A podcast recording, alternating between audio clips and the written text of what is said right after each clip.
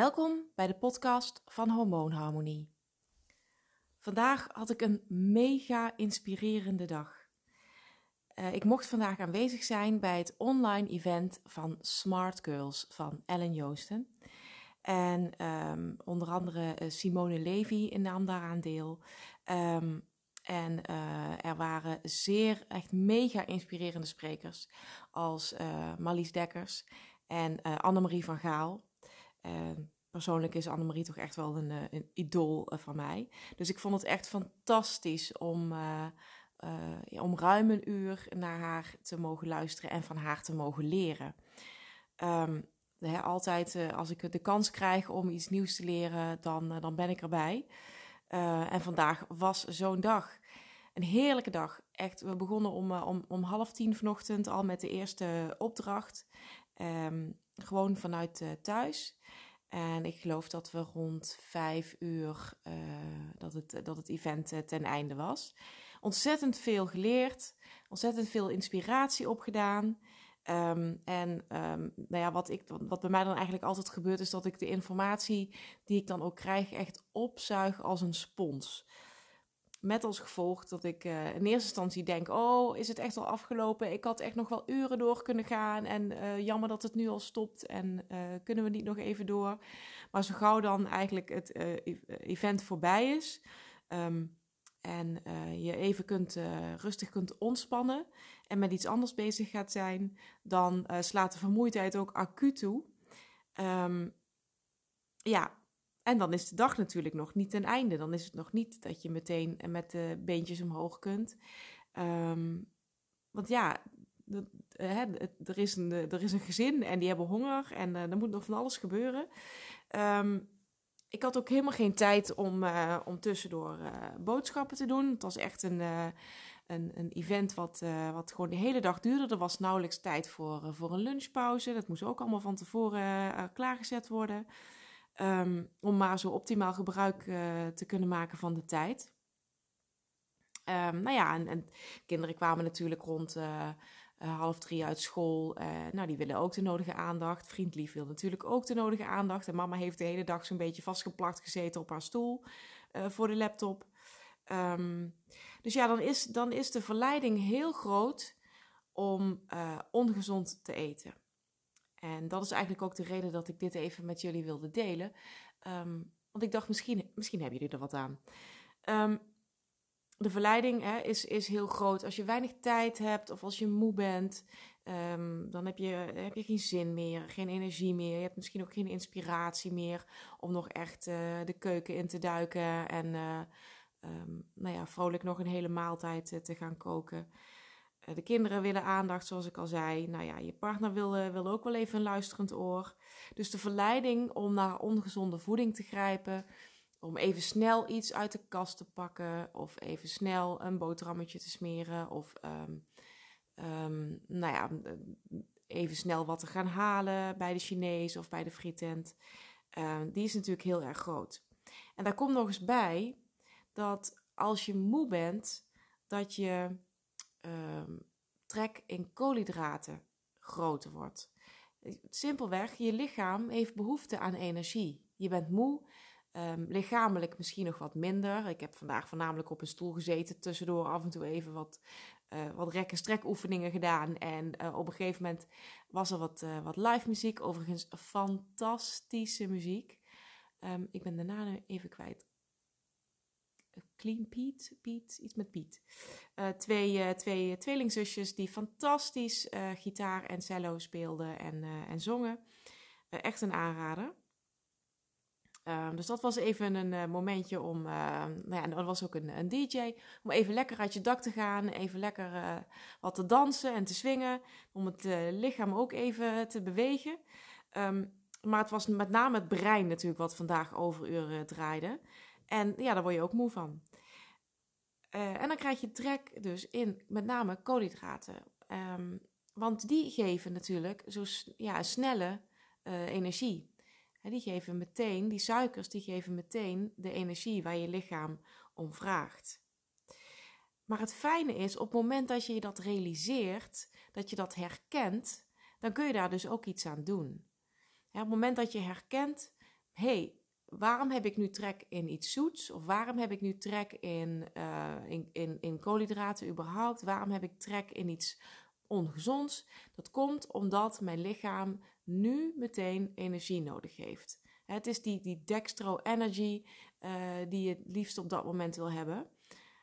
Dus op het moment dat je je daar bewust van bent, dan hoef je daar ook niet meer aan toe te geven. Dan weet je waar dat vandaan komt. Dan weet je ook, hey, ik hoef hier niet nu meteen aan toe te geven. Ik val nog niet zomaar om. Het is mijn lichaam wat gewoon moe is. Het is mijn brein wat moe is en wat vraagt om, om energie.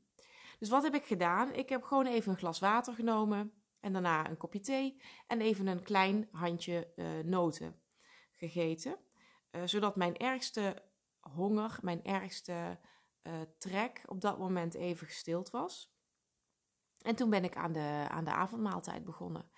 Um, nou ja, en daar, de oplossing daarvoor, dus dat ik, dat ik niet urenlang in de keuken moest staan terwijl ik daar helemaal geen energie voor had, is eigenlijk even simpel als saai. Een goede voorbereiding is het halve werk. Ik wist natuurlijk gisteren en eergisteren en vorige week al dat ik vandaag aan dit event zou deelnemen. En ik wist ook al van tevoren dat ik daar van ochtends vroeg tot het aan, aan het eind van de middag mee bezig zou zijn. En mezelf kennende, mijn hoofd ook helemaal vol zou zitten met alle ideeën die ik dan op had gedaan. En dat ik dan geen uh, behoefte heb of geen, geen uh, energie meer heb om nog uitgebreid, heel inspiratievol en creatief te gaan koken. Hoe leuk ik koken ook vind en hoezeer dat ook mijn hobby is. Um, als ik moe ben en als mijn hoofd vol zit met duizend en een andere ideeën, dan heb ook ik daar wel eens een keer geen zin in. Dus een goede voorbereiding is gewoon het halve werk.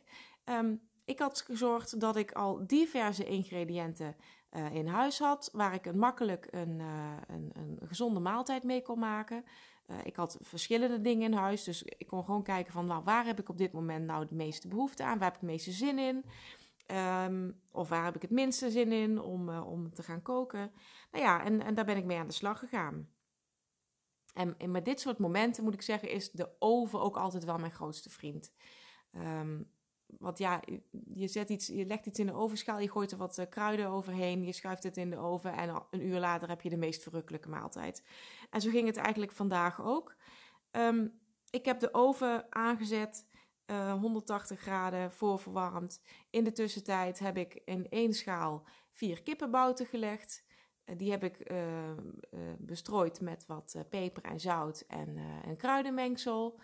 Um, daar heb ik wat boter op gelegd. wat citroenpartjes ertussen. En wat, wat knoflooktenen. Nou, en die schaal is, uh, is gewoon voor uh, ruim een uur, ik geloof anderhalf uur zo'n beetje, de oven ingegaan.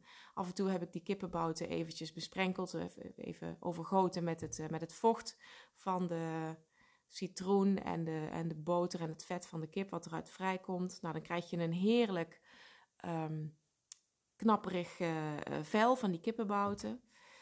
Um, en daarnaast een schaal met groenten. In dit geval, um, ik had van alles in huis. Ik had um, uh, uien, knoflook, wortels, courgette, paprika's. Ik had nog een, een halve rode kool. Nou, in dit geval heb ik wat paprika's en ui en knoflook en een, een winterpeen in plakjes gesneden. Heb ik in een ovenschaal gedaan. Daar heb ik wat olijfolie overheen gedaan, wat peper en zout en wat rozemarijn en laurierblaadjes die ik heel lief van mijn dochter voor uh, Sinterklaas had gekregen.